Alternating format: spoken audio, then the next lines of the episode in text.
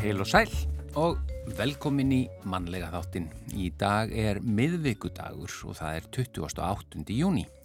Og við rennum að sé við sögu þessa dags en 1541 eh, var ný kirkjuskipun samþygt í Skálholtsbiskupstæmi og siðaskiptin hófust á Íslandi formlega með því.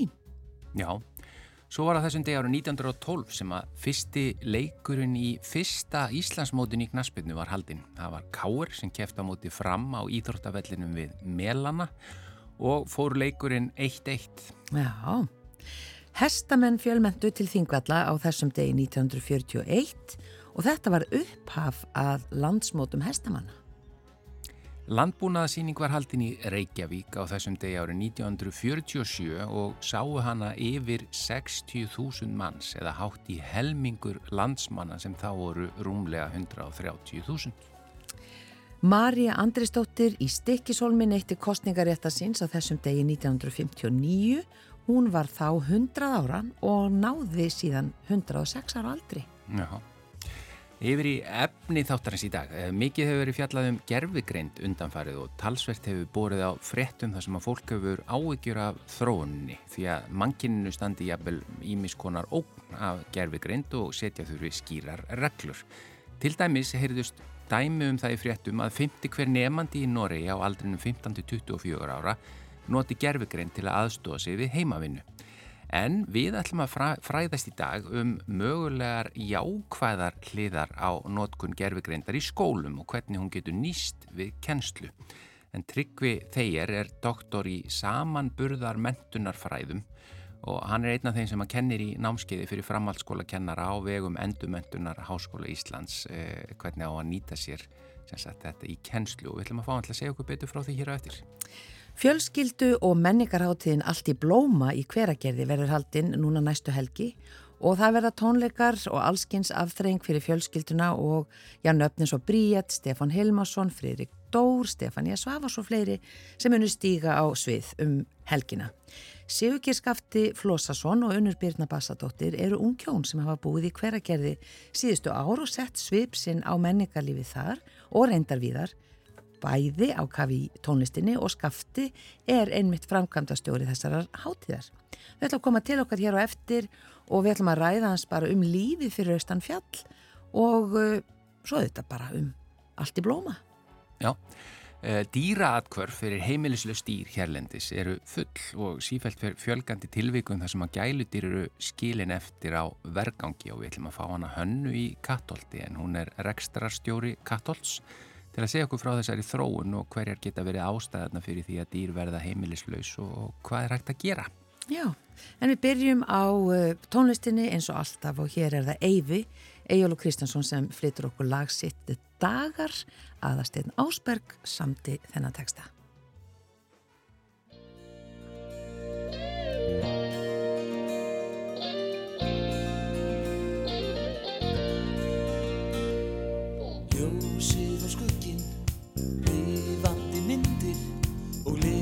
Sem breytast frá degi til dags. Undarleg fegur einstakur heimur andrá frá sólar upprást til sólar lags.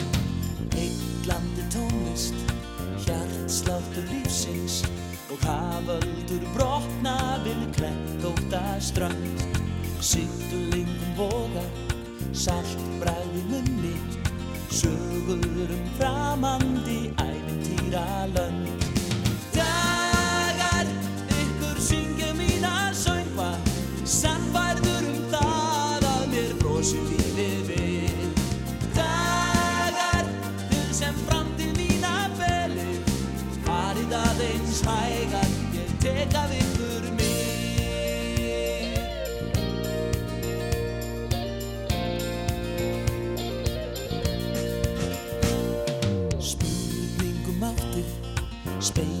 Sem brotnar og spádómur rætist um veður og vind.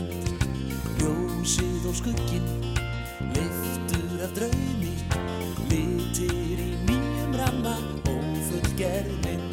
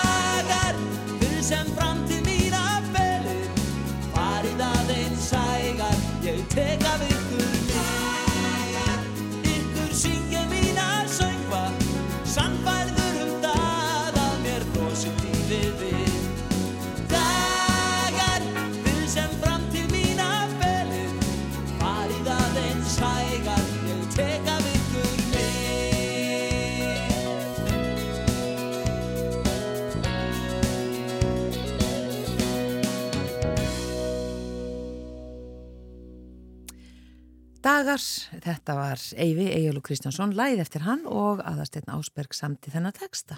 Já, við ætlum að spjalla hér e, næstu mínútur aðeins um gerfigreind og það hefur sko verið e, frá og með kannski síðasta hausti þegar allir fóru að annarkort að setja inn gerfigreindar e, búnar til myndir á, á samfélagsmiðla og, og, og svo líka tjatt GPT þar sem þú kannski látið forritið að gerfigreindina skrifa fyrir því bara hvaða texta sem er og það var eiginlega alveg magnað að sjá hvað, hvað gerfigreindin getur. Mm.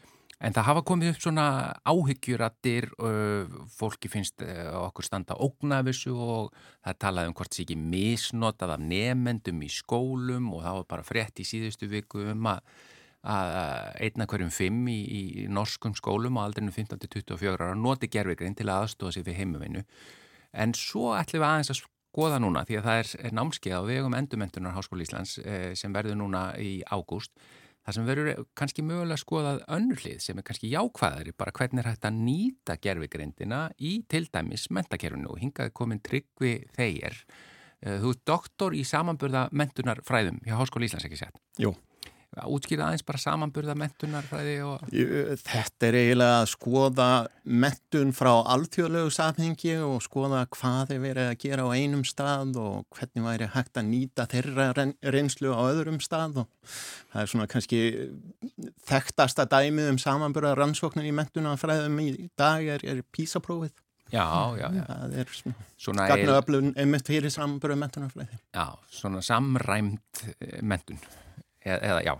Eh, sko, hver er þín aðkoma að þessu námskeiði um gerfugreind og kennslu og, og að nýta hana til kennslu og hvað er, eru við, er við að horfa kannski of neikvætt eða of hrætt á já, þessa þróan? Sko, ég hef verið að, að rannsaka, rannsaka og skoða upplýsingatækni í mentun í mörg ár og, og, og svona mína áhersla er fyrst og fremst að horfa til framtíðar og nota framtíðar aðferðir í mínum rannsóknum þannig að, að umræða um um, gerfigreind var svo sem ekkert ný af nálinni fyrir mér þegar að chat-GPT spratt allt í hennu fram en, en, en var kannski nýtt fyrir marga sem að starfa í skólum og, og, og hérna, kom kannski mörgum svolítið óvart og, mm. og ég held að það sé mjög eðlilegt, eðlileg viðbrögð við þannig aðstæður að fara svolítið í bakir og segja veist, við veitum ekki alveg hvað er í gangi hérna og hérna þurfum að fara svolítið hægt og stundum koma umræður um bönn og svoleiðis en, en ég held að, að sko, það kom mér svolítið óvart hvað kennarar fyrst og fremst virtust vera opnir fyrir þessar tækni alveg frá byrjun og töluðu auðvitað um að, að, að þarna var ákveðin áskorun sem -hmm. komið fram en áskorun sem að, að þyrt bara að takast á við og, og, og finna leiðir til þess að láta mentun virka með þessum nýja tækniveruleika sem að, að opnast þarna. Já, en hva, hvað svona gæti verið jákvæða hliðin á því að nemyndur eru að nota þess að, já, tækna til dæmis og kennarar. Já, já eða kannski nemyndur til þess að já. vinna heimavinnuna sína. Já, að hérna auðvitað sjáum það að, að í þessari tækni felast ótrúlegir möguleikar fyrir mentun, bæði fyrir kennara í þeirra sagt, eiginstarfi og fyrir nefnundur í þeirra námi að hérna og, og uh, það er í rauninni hefur sprotti fram mikil umræða um einmitt hvernig kennari getur nýtt sér þetta og, og, hérna, og hvernig er hægt að laga nám og sérstaklega námsmat að það er kannski það sem að margir hafa áhyggjur af námsmat að þessari nýju tækni sko, við höfum oft notað einmitt uh, skrifaðar reytuð verkefni fyrir námsmat mm. og það auðvitað breytir algjörlega sagt, hvernig við getum nýtt þetta tæki sem fyrir námsmat ef að vélinn getur bara að fara að spýta þessu út eftir fyrirspurn. Er þetta að meina þá að, að, að ef að nefandi nýti sér gerfugreindin og lætu bara skrifa fyrir sig rittgerði eða eitthvað slíkt, þá þarf að meta það allt öðruvísi. Já, að, og, og í rauninni sko að það er náttúrulega spurning hvort að við getum metið það út af því að við þetta lítum á eitthvað eins og til dæmis rítgerða, við lítum á þetta sem framsetning nefnandans á hans þekkingu Já. og það er auðvitað það sem við erum að leita að þegar við erum að meta rítgerð. En ef að gerfeigreindin getur farið að búa þetta til að, og, og nefnandin ætlar bara að skila einhverju rítgerð óbreyttri og óskoðaðri sem að gerfigreind hefur smíðað að þá náttúrulega getum við ekki nota það til að, að, að meta þekkingu og hæfni nefnandans sem Já, er náttúrulega líkilega antriðið. En hins vegar er sjálfsagt að finna leiðir til að búa til verkefni sem við nýtum þá í námsmat þar sem að nefnendur geta verið að nota þessa tækni til að hjálpa sér. Já. út af því að, að sko, náttúrulega gagnið af þessari tækni er þessi að þú getur farið á eitt stað og fengið svona einhverjur hugmyndir um hvaða leiðir þú ættir að fara Já. en þá er spurning hvernig við eh, hönnum þessi verkefni til þess að vera vissu um að við séum að fá það efni sem við þurfum til þess að gera raunhæft mat á náminu.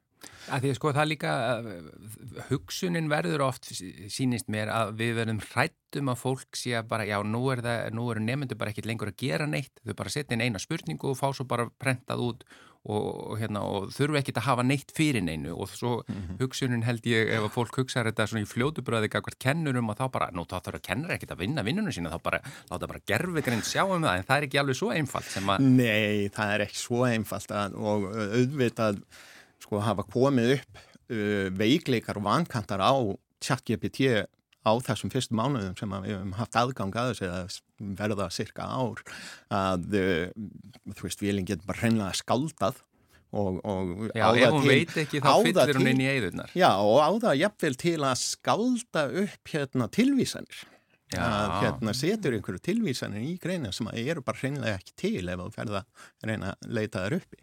Þannig að það gildir alltaf svona þessi megin regla í sambandi við svona lagað og, og, allt náma þessu sviði að gaggrín hugsun nefnandans að hún þarf að spila þarna inn í sko, og nefnandin þarf að beita sinni uh, gaggrín hugsun til þess að meta þú veist, það eru upplýsingar sem hann er að fá. En hitt er líka að það skiptir rosalega miklu máli með til dæmis vél eins og chat-GPT, hvern, hvernig þú spyrð, hvað þú spyrð um.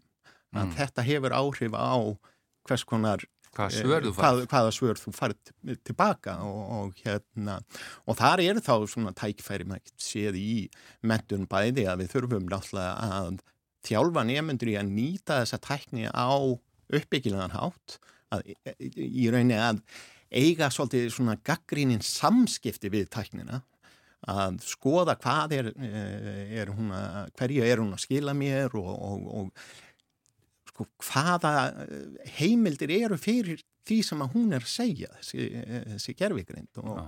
og það eru auðvitað margar leiðir sem að við getum nýtt okkur í kennslu sem að, að gera okkur þá kleift að kannski að, að taka þessa tækni inn og, og ég held að eitt sem að hefur verið talað um og við erum farin að sjá í rannsóknum að það er að tengja verkefni betur við persónlegan reyn, reynslu heimnefnda mm. út af því að, að þessi gerfigreind eins og hún er í dag að hún er mjög ópersónleg. Og almenn. Og almenn. Og, hérna, og maður verður að evast og vera gaggrínin já, það er eiginlega svona kannski líki og bara það til dæmis að, að segja við nefndur ok, skrifa eitthvað rítgerðum þetta og í lokin segðu síðan hvernig þetta á eftir að nýtast þér þessi þekking sem að þú hefur fengið í gegnum þetta verkefni. Hvernig á þetta eftir að nýtast þér næstu 5-10 árin? Að þá ertu svolítið búin að personu væða þetta verkefni Já. og, og jafnvel þó að nefnandin myndi láta ChatGPT skrifa stóran part af rítgerðinni að nefnandin þarf samt að fara í gegnum og vita nákvæmlega hvað ChatGPT sæði og setja þetta í samhengi við sinn reynsluheim og, og, og þannig séð að, að þá er það út af fyrir sig bara mjög gott verkefni. Þá er nefandi bara að nýta sér tól já, sem er komið já, í dag já, og, og í rauninni ekki, en ekki svona stitta sér leið eða, eða bara hreinlega að, að sleppa við að vinna. Já, auðvitað er hann eitthvað að stitta sér leið en til þess er tæknin. Já, já. að við erum að skapa alltaf þessa tækni í kringum okkur til þess að gera okkur kleift að gera hluti sem við kannski gátum ekki áður eða að gera meira heldur en við gátum gert áður. Þannig að, að það er bara partur af þessu. Og, og Já, en svona næsta skrifa þetta gerist svo hratt og tekninni flegir svo hratt fram og við erum svona, já, að tala um þetta í dag, svona hvert gæti verið næsta stök? Já, og það er nefnilega svolítið likil bara... atrið í þessu, að, mm. að þetta er náttúrulega bara, sko, fyrsta svona bylgjan í þessu sem að, að við erum að fá í hendunar og, og ef það er eitt sem við getum sagt um framtíðina með, með nokkur vissu að það er að framtíðin verður eitthvað annað en núið. Já. Að við getum ekki, ef við getum bent á eitthvað fyrir frambann okkur, við getum ekki sagt þetta er framtíðin, þetta er núið. Framtíðin verður eitthvað annað og það er eins með þess tækni að hún á eftir að þróast og halda áfram að þróast og, og líklega nokkuð ört og hérna og spurning í hvaða átt hún þróast en, en svona ég held að eitt sem að við getum sagt að sé mjög líklegt bara meða við tækni þróun almennt í kringum okkur að það er að þessi gerfikarind hún personvæðist á einhvern nátt og við höfum verið að personvæða tækni heimin okkar svolítið örta til dæmis við erum núna að aðal tækið okkar er núna snjálfsýmin sem er tækið sem við deilum ekki með neinum öðrum að þetta er okkar engatæki og tækið er að læra á okkur og, og þess áttar og, og það má held ég svona að gera ráð fyrir að þessi gerfikarind þróist á, á sveipaðan hátt og á, á einhverjum tímapunkti í nálagri framtíð myndi ég halda að, að þá verðum við komin með gerfikarind í okkar snjaltæki, okkar persónulegu tæki sem að ég er svolítið sér sniðin að okkur Personulega gerfigreint. Eiginlega og, og, það er nú þegar við erum, það eru að koma fram upp sem að, að nýta þessa gagnagrunna sem að eins og chat GPT gagnagrunnin til þess að gera svona aðeins personlegri útgáfu af þessari gerfigreind en, en þessar vélar eru sem við höfum nú þegar haft aðganga þannig að Þetta er greinlega bara, við erum, eh, við erum eftir að fjalla svo mikið um þetta núna framöndan, þetta er svo margt að gera. Ég líka staldra þess við að því þú sagði að við erum ekki að deila símónum okkar með öðrum, en við erum eiginlega að því að deila hann með öðrum heiminn. Já, það eru upplýsingar inn á þannig samfélagsmiðlum og annað. En, en tækin sjálf, já, þau eru persónlega. En þetta er spennandi. Mjög, tryggvi þeir, doktor í samanburða mentunafræðum. Það var þetta námskeið sem við vorum að segja frá sem að endurmentun Háskóli Íslands verði með um að nýta sér gerfigreind í kennslu og mentunarfræðum. Takk einlega fyrir að útskýra þetta aðeins fyrir okkur hérna í manlega þættinu. Takk fyrir mig.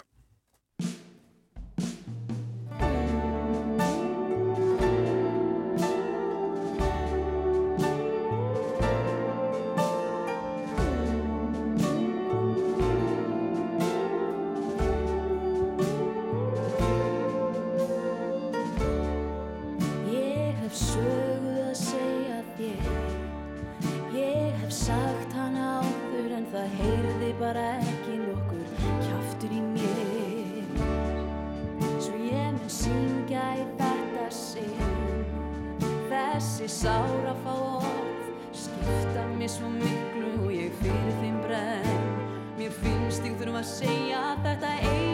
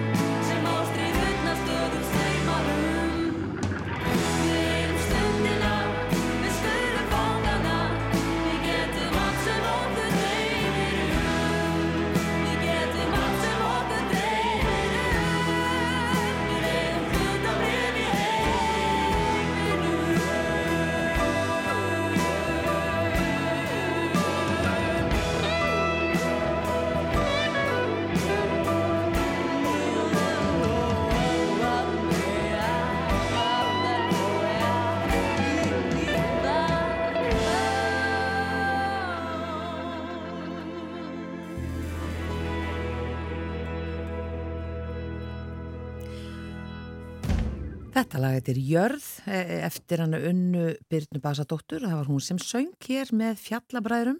Bræði Valdimar Skúlason á þennan texta og uh, þetta var tekið upp í, í Abbey Road þegar fjallabræður fóru þanga til að taka upp plötu og þetta á að minna okkur á að þau setjast hérna hjá okkur eftir smástund unnu Byrna Basadóttir og ekki skafti Flósason og við ætlum að tala bara um lífið í hveragerði og síðan þessa fjölskyld og menningarháttíð allt í blóma sem erður núna næstu helgi.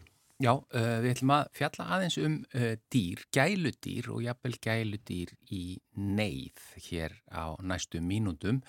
Hingað komin Hanna í Kattholti, velkomin til okkar í manlega þáttin. Takk fyrir að bjóða mér. Það er, eh, ég sá frétt um það sem sagt á, á vísi.is eh, að það væri bara í rauninni eh, meiri neyð í dag eða meiri þörf eh, að það væri fleiri dýr sem að væru bara kannski skilin eftir á vergangi og væru heimilislaus í dag en, en ofta áður. Já, það má kannski segja að um, eftirspurnin eftir eldri köttum hefur kannski aðeins mingað Já, og það er kannski þess vegna sem að neyðin er svona mikil að fólk vil ætleiða yngri dýr eða kettlinga. já. Og einhver skýring á því? Þeir eru náttúrulega guðdumlega sætir. Nei, ég meina að svona eldri hérna katta þörfin hafi mingað Já, ég veit þó það að ekki. séu sættar auðvitað. Ég veit það ekki, það er erfitt að segja. Fólk er náttúrulega kannski að fara í sumafyrir núna og það er kannski bara ekki tilbúið að taka þessi kísu. já. En er sko, við, við fjöllum um það bara hérna í þættinum á meðan á COVID stóð. Mm, þá átti sér stað eins konar bara sprengja í eh, allavega hundaegn og líklega bara dýraegn. Að Mhm. við vorum mikið heima hjá okkur og fólk bara það jógst alveg gríðarlega uh, uh, gælu dýraegn já, Og- það var líka hjá okkur. Það var alveg bara slegist um hvert kött, sko. Já. Og þess vegna kannski fóru þessir eldri kettir svona auðveldlega. Já. Já. en þá, svo var við fengum bara dýralagnir í þáttinn þá sem að hafði áhyggjur af því að kæmi bakslag að Mhm. fólk væri jafnvel að fá sér dýr á þeim tíma í þeim skrítnu aðstæðum eða óvenjulegu aðstæðum eh, kannski ekki að vel hugsuðu máli og, og myndi síðan kannski reyka sig á það aðeins síðar og, og miða við allan að fréttina á vísi.is þá verist að vera eins og í hundamálum að það sé eh, svolítið raunin að fólk sé búin að átta sig á því kannski eða, eða bara vil ekki lengur hafa hund, hundana hjá sér eða dýrin. Já, þetta voru absúrt aðstæður í COVID. Já, þar sem að fólk gati rauninni auglist ketti til sölu á sko marga 20.000 já, og hérna og fólk emitt kannski emitt ekki að hugsa máli til hlítar en ef að þau voru að borga 50-60.000 fyrir kettlingin og ekkert innifalið að þá er svolítið sko letjandi fyrir þau að fara til dýralæknis til þess að örmerkja og gelda og, og græða og gera það sem að, það sem að þarf í rauninni að gera fyrir köttin sko. Já, og það er kannski það sem við erum að sjá líka í dag ómertir kettir, ógjaldir kettir sem eru kannski að koma til okkar sem hafa þá bara annarkvort verið settir út að- eða sem, hvernig sem aðstæðnar eru eða fólk að koma með þá til okkar sko Einmitt, Þannig að hva- hvernig sko í kattholti, hva, Mhm. hvað eru margir kettir þar að jafna þig á, á hverjum tíma? Sko við erum alltaf með tvíþætta starfsemi við erum með bæði kattahótel fyrir, fyrir kísu sem eiga eigendur og svo erum við líka með atkvar fyrir þær kísu sem að, hérna, eiga ekki eigendur Já, og ef að segjum bara húsi væri ef það væri fullt eins og núna þegar Mhm. fullt á hótelinu og allir í fríi og, og fullt í atkvarinu mm þá eru hundra kettir í húsinu. já, vá.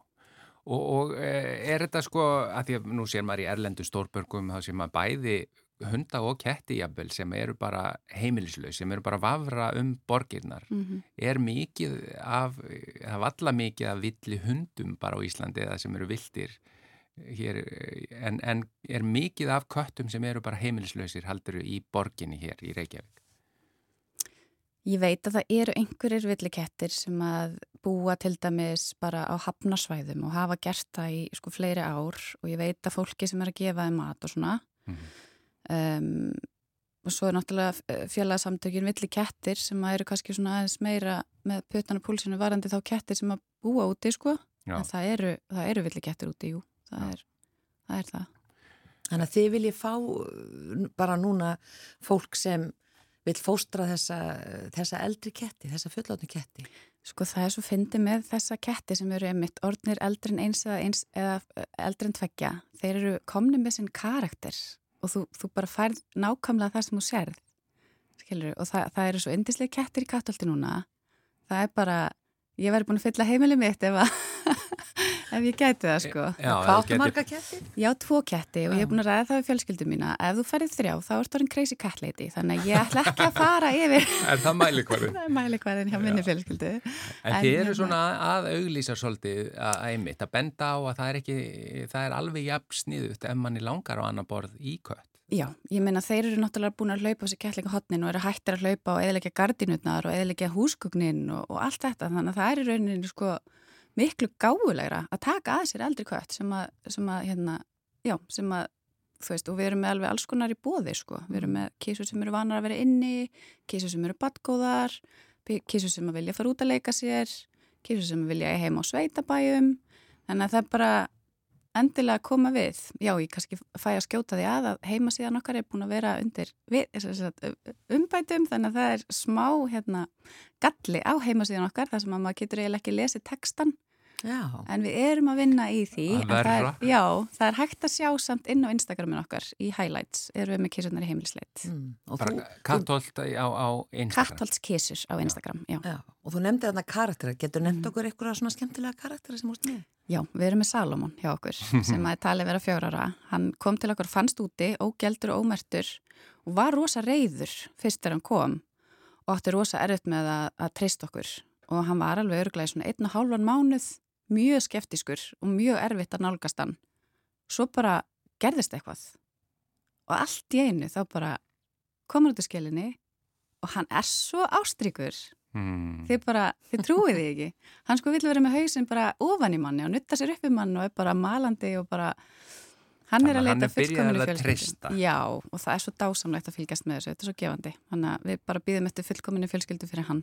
Það eru auðvitað með blessu dýrin eins og bara manneskjöndar að ef að þau einhvern veginn eh, upplifa erfiðar aðstæður og óryggi þá já. auðvitað, hefur það áhrif á persónuleikan í einhver tíma allan og þangað já, til að þanga til að einhver gerir eitthvað til þess að breyta því þú veist, og gefur dýrunum færi á að treysta aftur og það er svo fallegt Já.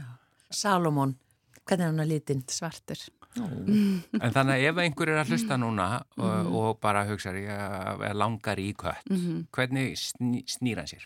Sko, það er bara best að senda tölupóst kattolt.kattolt.is og við svörum bara um hæl og að því að það er nefnilega síðan í COVID þá fórum við að bóka skoðunatíma og það er að virka svo vel þannig að við bara bókum skoðunatíma og tökum bara spjallið þegar þú mætir. Það Já. er bara velkomið. Og mætir og, og já, bara fara að skoði gegnum allt úrvalið. Já, Áhugavert. já. Takk kjærlega fyrir að koma í mannlega þáttin. Þetta er kattlegi þátturinn núna akkurat þessa stundina, Hanna í Kattolti. Takk fyrir. takk.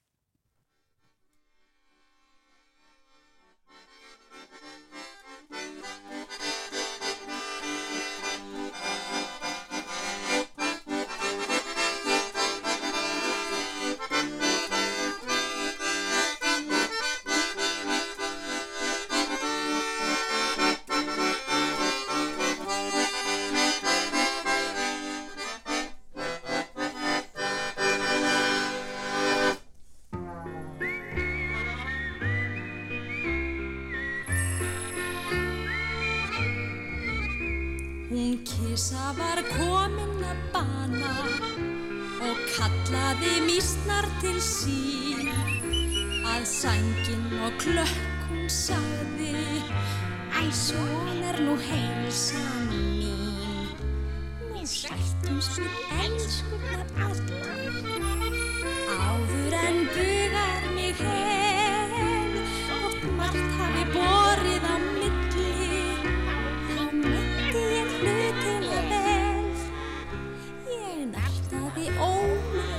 illa en æðar lífsfóðum breytt nú kveðumst við kropparnir litlu og kissumst að skilnaði heitt þá glúknaði músin svo minnsta og munnin rétti hún fram en kastaðist svikinn og kramin í kattarins rándýrs var aftur á kreiki. Það kvöld og ei yðraðist þess. Lámakráði meianna keltum og malaði sönd og hress. Ég veit, ég er göllum og gömum og gerist til veifanna styrn Mín einasta hjálp er hvað ræstnin er hendu og mikil sver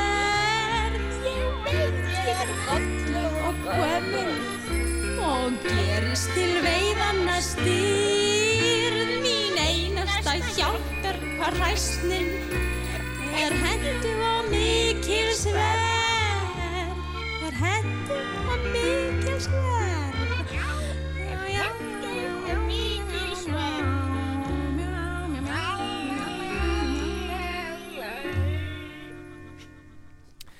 Já, þetta var hún Dittu uh, að syngja lægið Gamla kísan uh, en það voru við að fjalla aðeins um kísur uh, áðan uh, en yfir í annað núna. Já, samt smá tengt kísum að því að Já.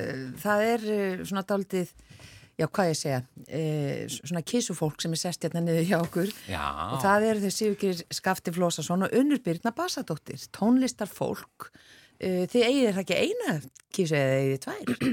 þrjár. Þið eigið þrjár! Já, ætlum við ekkert að fara út í skilgreininguna sem var sögð hérna rétt áðan Nei. frá hann hönnu í kattolti. Þið eru sem sagt þá kattafólk. Já, við ölum, ölum barnið okkur upp sem kött líka, þannig að hérna, Já, já. Þannig að þið eru mikið kattafólk. við erum mikið kattafólk. Já, heyrðu, og svona, svona til upprifunar fyrir þá sem hafa ekki hlustað á þennan þátt, alveg frá byrju núna, eh, frá klukkan 11, þá eh, eru þið sumsi, ung, ungkjón, búsett í hveragerði og uh, Sigurger, þú ert uh, eiginlega umsjónamaður með þessu allt í blóma þessari fjölskyldu og menningarháttíð sem nú fer fram um helgina. Og unnubörna þú kemur fram þarna. Og hefur nú örglega tekið einhvern þátt í þessum undirbúningi. En þú ert svona, já, eiginlega meira kannski framkvæmtastjóri. Já, við erum svona með þetta daldið saman en jú, það er kannski svona, jú, daldið hjá mér. Já, Við erum eitthvað svona sammeila hljóðkjæralegu og viðbyrðu þjónustu, svona daldið fyrir austanfjall og víðar. já, Og þetta er svona eitt liður sem við erum að gera í þessu stóru verkefnum. já. Og þetta er risastórt verkefni. Já, þetta er búið að stækka nefnilega talsvert. Við byrjuðum á þessu fyrir hvað, tveimur árum? Er þetta ekki þið?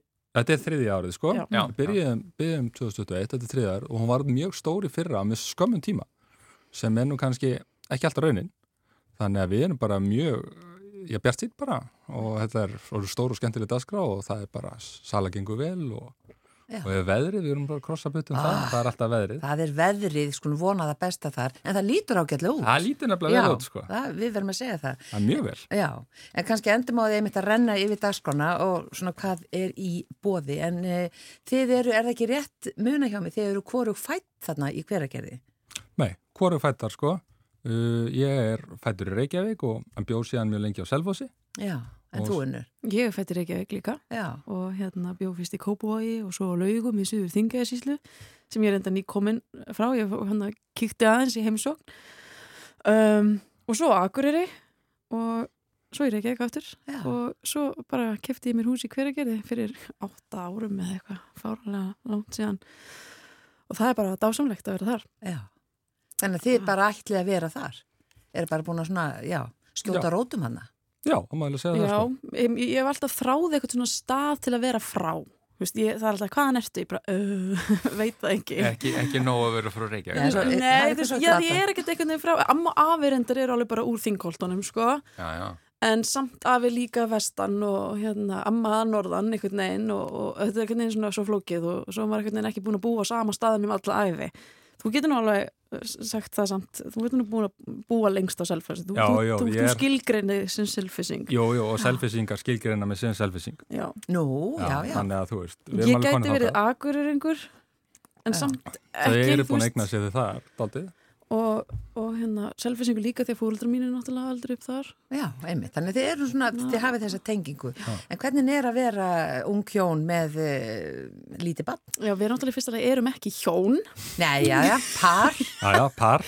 Gæsla að býða hérna, Já, hérna ég bara sem sendur honum Nei, einmitt. Nei, jú, hérna hjónaleysi eða eitthvað Já. eh, með lítið barn, já eh, hann er náttúrulega snar ofirkur og er náttúrulega bara rosa duglegur að vinna í þessu og ég er bara svolítið mikið svona heimavennandi húsmóði sem að fer stekk og gig sem er bara mjög næs. Kannski svolítið erfitt þegar maður er komin 29 vikur leið og hérna, og hérna já, mitt, takk fyrir en hérna bara gaman, hann er hérna aldrei heima En eru þið, að, að Hann ma- skafti sem sagt. skafti Já, að því maður heyri meira og meira af, af fólki bara af höfuborgarsæðinu sem flytur einmitt eins og til dæmis hveragerði og, og, en er samt að vinna í Reykjavík. Eru flest ykkar verkefni, er það, er það að fara rosa mikið á milli hverju viku eða ekki? Sko við erum bara hlutlega miðsvæðis Já, það er nefnilega, hver að gera er mjög missæðis finnst okkur, minnst það mjög passlegt að það er þetta er alveg þarna austur og er í bæinn, kannski ekki aðeins lengra. Hann er alveg með, þú veist, Vík, Mýrdal og alls konar verkefni þar og, og, og Kvolsvöldu og Hellu og svona og hérna og ég, við höfum verið að kenna þar líka þannig að hérna, svo erum við að spila í svona brúðkaupum undir alls konar fossum þarna fyrir austan, þannig að þetta er rosalega þetta er alveg miklu meira miðsvæðis heldur en að við myndum búið í Reykjavík sko. Já, þannig að það er alveg stutt í allt. Akkurat. þess vegna líka er, já, staðsendingi mjög hendug Já, og svona að veita fólk að, uh, þú veist að þið búið þarna það stutt að hérna ná í fyluleikaran til þess að fá undir fossin. E- Hefur Já, þetta aukist? uh, Já, Svona bara auknum fjölda ferðamanna? já, þetta, já, já, já, já ég var að mynda að spila í hellunum á hellu um daginn en ertu þá að spila hjá, í, í brúðkaupum hjá ferðamönnum? Já, það er þetta- þetta eru hérna Eru þið með þannig þjónustu bara að því það er náttúrulega mikið af fólk sem kemur bara til að gifta sig? Já. Já. Þannig að það hefur verið undir hérna, við Seljalandsfoss og hérna Kvernufoss það sem maður þarf að lappa hérna alveg hérna einhverju svona, einhverju leið Þá er nú gott að spila á fiðlu en ekki kontrabass. Já, nákvæmlega, mjög hendur hljóðfæri svona, tekið með sig hvert sem er Já. og já Þannig að þetta eru hérna- alls konar verkefni. Já, og mjög skemmtir og fjölbreytt þannig að maður er bara mjög þakkláttur fyrir að fá að vinna við það sem að manni þykir skemmtilegt auðvitað, Já. en, hérna, og að vera að fjúka fram á dyrahóla í hérna, einn daginn og spila síðan á hérna, Hotel Borg um kvöldi, þú veist, það er hérna Er betra að spila á fiðlu í meðvindi eða mótvindi? ég, Meðvind myndi ég hann. já, það er sko, sko Í ég, ég veit, já, samt sko, það er rosalega erfitt með bogan, af því hann hefur alveg svona, þarf stundum alveg hérna En afstillist hún ekki í, í kulda? í kuldanum, dæmis? jú en það er sko, þá, þá einhvern veginn hækkar hún aðeins og Já. skárra þegar hún er svona örliti jú, ég er að stilla á milli og svona til að puttarnir frosnir og svona þannig að maður er svona ég var að mynda í dýrhúlagi hann einhvern tíman og, og var með svona hita pók, eða svona ég þarf að kaupa svona Til að setja inn í hanskana Já, eða eitthvað já, svoleiðis? Já. Og, hérna, og svo voru þær hérna brúðameyjarnar þetta voru amirist brúðkaup sko það sem hafa svona brúðameyjar og, og brúðgumar og svona og það er allar ykkur hlýra kjólum sko og ég bara guð minn góður hvað ég vorkin ykkur. Var ekki kall? Jú, það var ógeðislega kall Þau hafa ekki alveg unnið heimavinn að Nei, kynna voru ekki alveg búin að fatta þetta kannski. En, en, En flotta myndi kannski. Já, Þetta, er svona, þetta er svona mikið Instagram brúðkaup sem hafa verið stoppuð sko í miðju, bara herru býttu prestur. Ég var alveg lendið því sko, að prestur íslenskri kvikmyndagerð að maður þarf alltaf að láta eins og það sé hlýtt Já, af því að einmitt. áhorandin sér það ekki á skjánum hvort það sé hlýtt eða kallt, þannig að maður þykist eins og það sé hlýtt, en maður er alveg að krókn og kulda En Instagram brúkup, Já. mjög merkilegt. Þetta er mjög, það var mjög skemmtilegt það var hérna, það var einmitt við svona foss það sem að, hann, þetta var byrjað svona voðalega hérna, romantist hérna presturinn að, að hérna bjóða allar velkomin og allt þetta og, og kjólinn var eitthvað aðeins skakkur og hann var bara stoppaður af bara það þurfti að laga kjólinn og gætum að talda áfram og svo hlupu svo fjóra rollur framhjá og það var líka stoppað býttu við þurfum að taka mynd af þessu og ég, mér var stilt upp, sko það heyrðist náttúrulega voða lítið í fiðlinni, fossin og þannig en ég verður hérna í þessari mynd verður hér, við þurfum að ná þessum mynd að þetta verður alltaf Vá. lúka Þetta á- verður að lúka, á sko. Instagram. Já, já. Af því annars er það ekki neitt. Nei, nei. Já, En hérna hver að gerði, að, að því að sko hátíðin heitir allt í blóma og við þetta tengjum svo mikið alls konar svona plöndurækt og blóm og, og eten náttúrulega hérna í den. Algjörlega.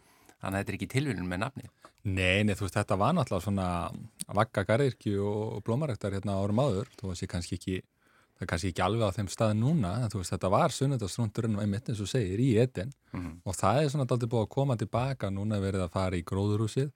Og það er daldið sunnundastrúndurinn þanga það eru svona ákveðna veslanir, veitingahús mjög næs og fara síðan upp í Reykjanda þetta eru svona, þetta eru daldið sunnundastrúndurinn og fara í flóru kannski kippa á smá blómum þar.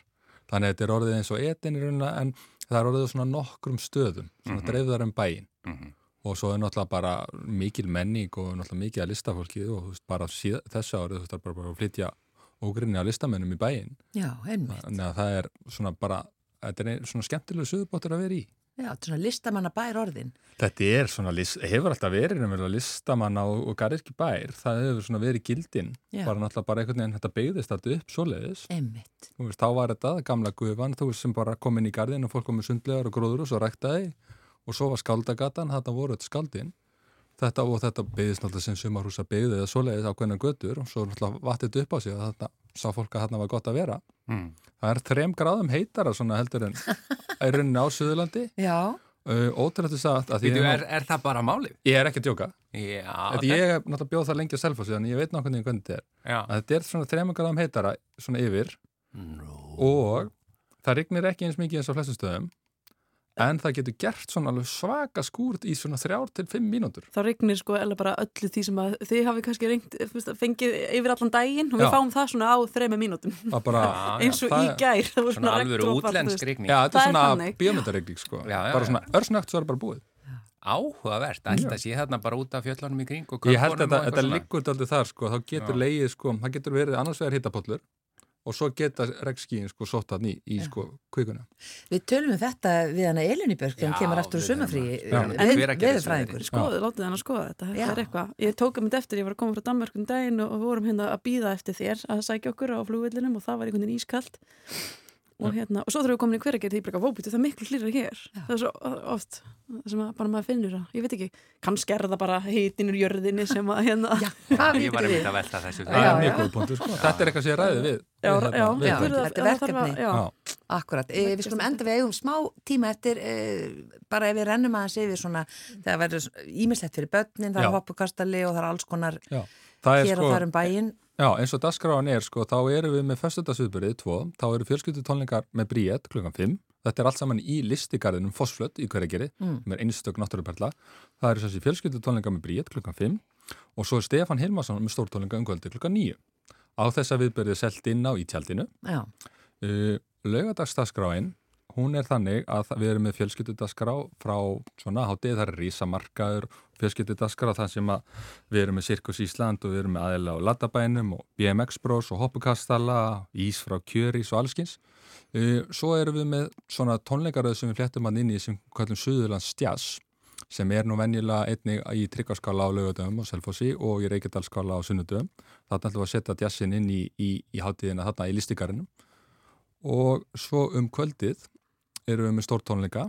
Þar koma fram Freirik Dór, GTRN, Jónas Sig og Unnur Byrna á Sandljónsett þetta er allt fritt inn á allt á laugadeginu, já, allt fritt og svo er dansleikur í tilteknu tjaldi í listikarinu þar koma fram Stefania Savars, Gunnar Ólarsson og Blasrokka á Sandljónsett þetta er einnig allt fritt inn.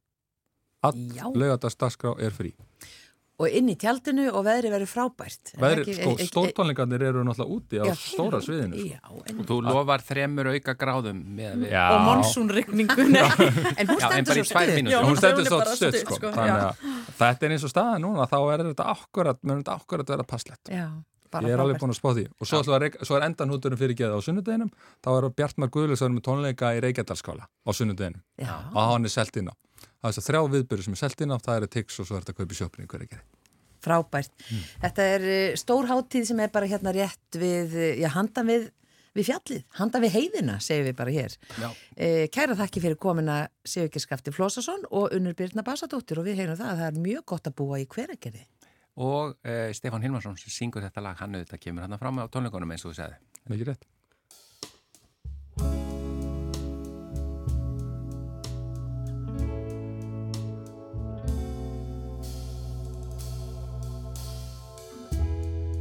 Þegar þú ert hér.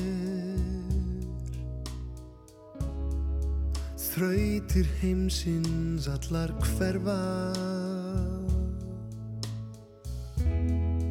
Þegar þú ert hér Hjá mér Þar sem enginn sér Byrtir upp Og hátt á lofti svífi Með þér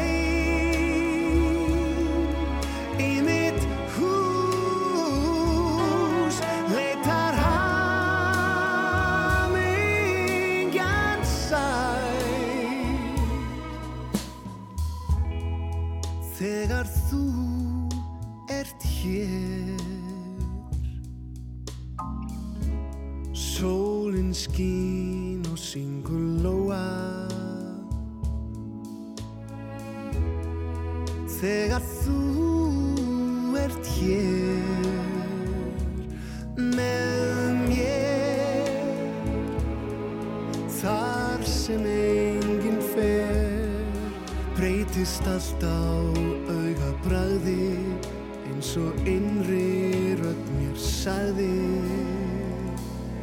Með þér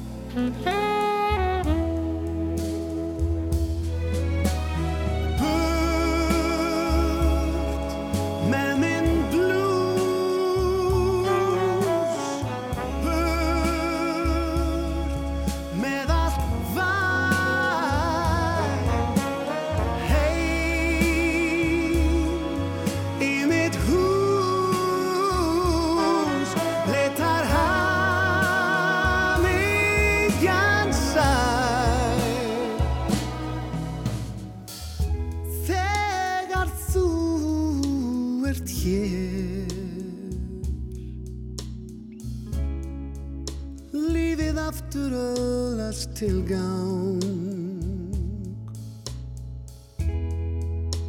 Þegar þú ert hér Allt er eins og vera ber. Ég verð heill en ekki hálfur Loksins áttur við mig sjálfur. Með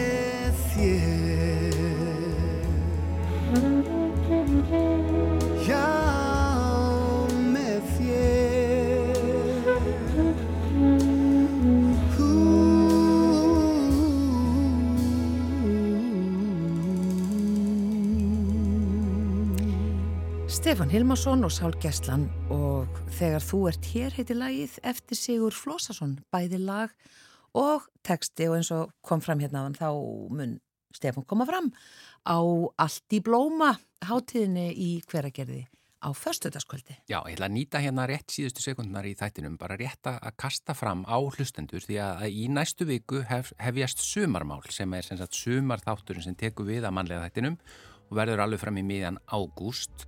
Við ætlum að hafa ferðasögur á föstudögum sem við ætlum að fá áhugavert fólk til að segja frá áhugaverðum ferðalögum. Við bendum endilega á ef þið hafið ábendingu annarkort um e, viljið sjálf koma og segja ferðasögu eða benda á einhver e, áhugaverðan til að koma, eða skemmtilegan til Já. að koma og segja.